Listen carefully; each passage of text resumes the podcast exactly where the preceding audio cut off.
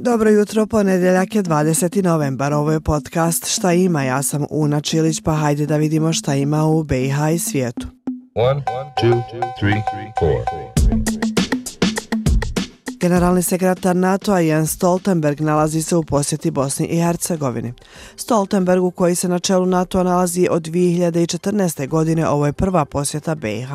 Očekuje se da će tokom dana sastati se sa visokim predstavnikom u BiH Kristijanom Šmitom kao i predsjedavajućem vijećem ministara Borjanom Krištom.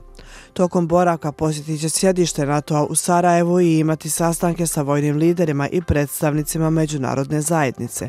A sve o putu BiH ka NATO-u, ali i današnjoj posjeti Stoltenberga možete čitati i na sajtu slobodnaevropa.org. Danas je nastavak sjednice Vijeća ministara BiH. Između ostalog, na dnevnom redu će biti informacija o provedbi plana mjera i aktivnosti za efikasno upravljanje migranskom krizom u BiH zaključno sa polovinom ove godine. Pored toga, na stolu će se naći i izvještaj o dosadašnjim aktivnostima u vezi sa razgraničenjem između BiH i Hrvatske kao i nacrt odluke o ratifikaciji sporazuma o finansiranju programa aktivnosti preko granične saradnje BiH i Crna Gora za period od 2021. do 2027. godine a u Mostaru u cilju daljeg unapređenja i promocije vinske ceste Hercegovine, Grad Mostar i Vanjsko-trgovinska komora će potpisati memorandum o razumijevanju, čime će biti uspostavljen temelj za zajednički rad na razvoju i promociji ove turističke rute na domaćem i međunarodnom tržištu. Danas se obilježava dan sjećanja na žrtve transfobije.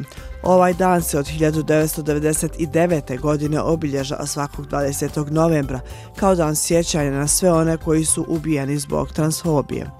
A u najnovijem podcastu Glasom mladih kojeg je radila moja kolegica Iva Gajić možete čuti kako danas žive trans osobe u Srbiji, da li su sigurne, da li se osjećaju prihvaćeno u društvu.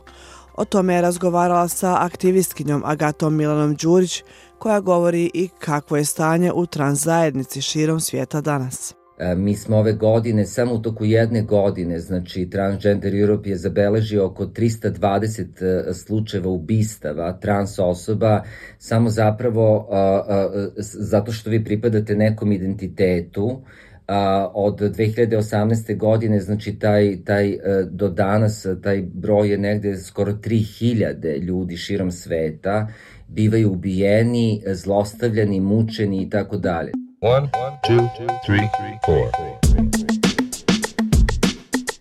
To je ukratko od mene za danas. Sretan ostatak dana. Čujemo se neki drugi put. Ćao.